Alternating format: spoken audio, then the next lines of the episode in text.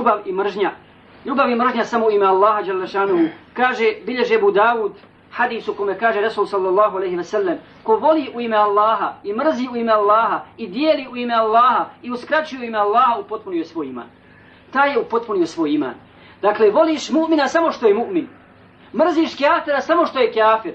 Ne zbog toga što je on druge nacionalnosti, ne zbog toga što je druge boje kože, nego naša mržnja i ljubav su šarijatske. Samo zbog toga što je Allah Đelešanohu tako, nare, tako naredio. I zato što oni ne slijede put istine i što su daleko i što odvode druge, odvode druge u zabludu.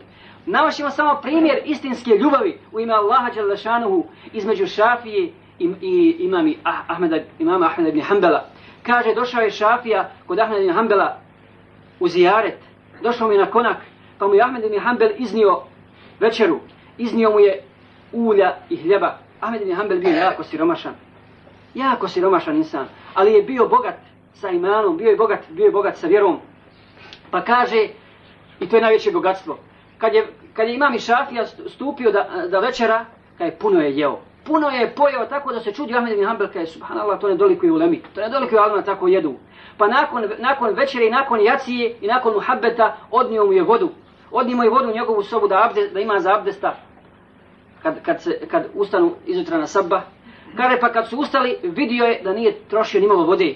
Ništa nije uzeo od vode. Pa kaže posle sabba, kaže sve mi je kod tebe jasno rekao Ahmed ibn Hanbel, samo mi nisu jasne dvije stvari. Kaže puno si jeo kad si došao i kaže što nije što ne dolikuje alima i ulemi kakav si, kakav si ti i kaže nisi uopšte uzimao vodu za, e, za sabah, nisi uopšte abdestio. Zbog čega to subhanallah? Kaže što se tiče hrane tako mi Allaha tri dana nisam ništa okusio. Pa sam došao u kuću gdje sam siguran da je halal hrana. I onda sam želio da se do sita najedem halal, halal hrane. A čega je? Najeo se, najeo se ječmenog hljeba i ulja. Pa kaže što se tiče vode, kaj ja posle jacije nisam spavao, nego sam učio Kur'an i razmišljao o ahiretu. Tako da sam sa, sa tim abdestom dočekao, dočekao sabba.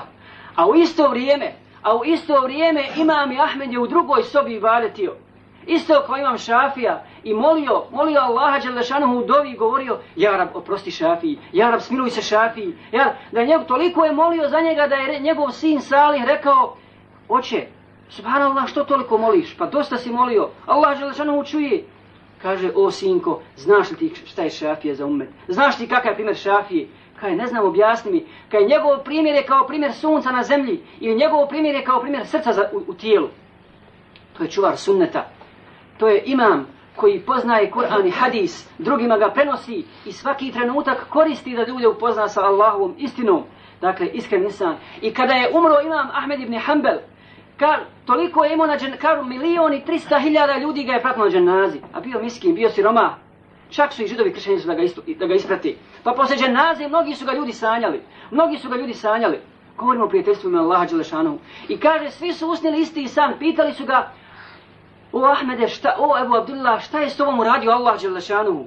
Pa je rekao, zonu moj, moj gospodar je rekao, o Ebu Abdullah, o ja Ebu Abdullah, idi pridruži se Ebu Abdullahu i Ebu Abdullahu i Ebu Abdullahu. Pa sam rekao, Jarab, ko su ti ljudi? Ko su ti ljudi? Kaže, to su Šafija, Malik i Sufjan i Seuri. Svi su imali sine, sinove Abdullahe, pa su potom bili prozivani Abu Abdullah.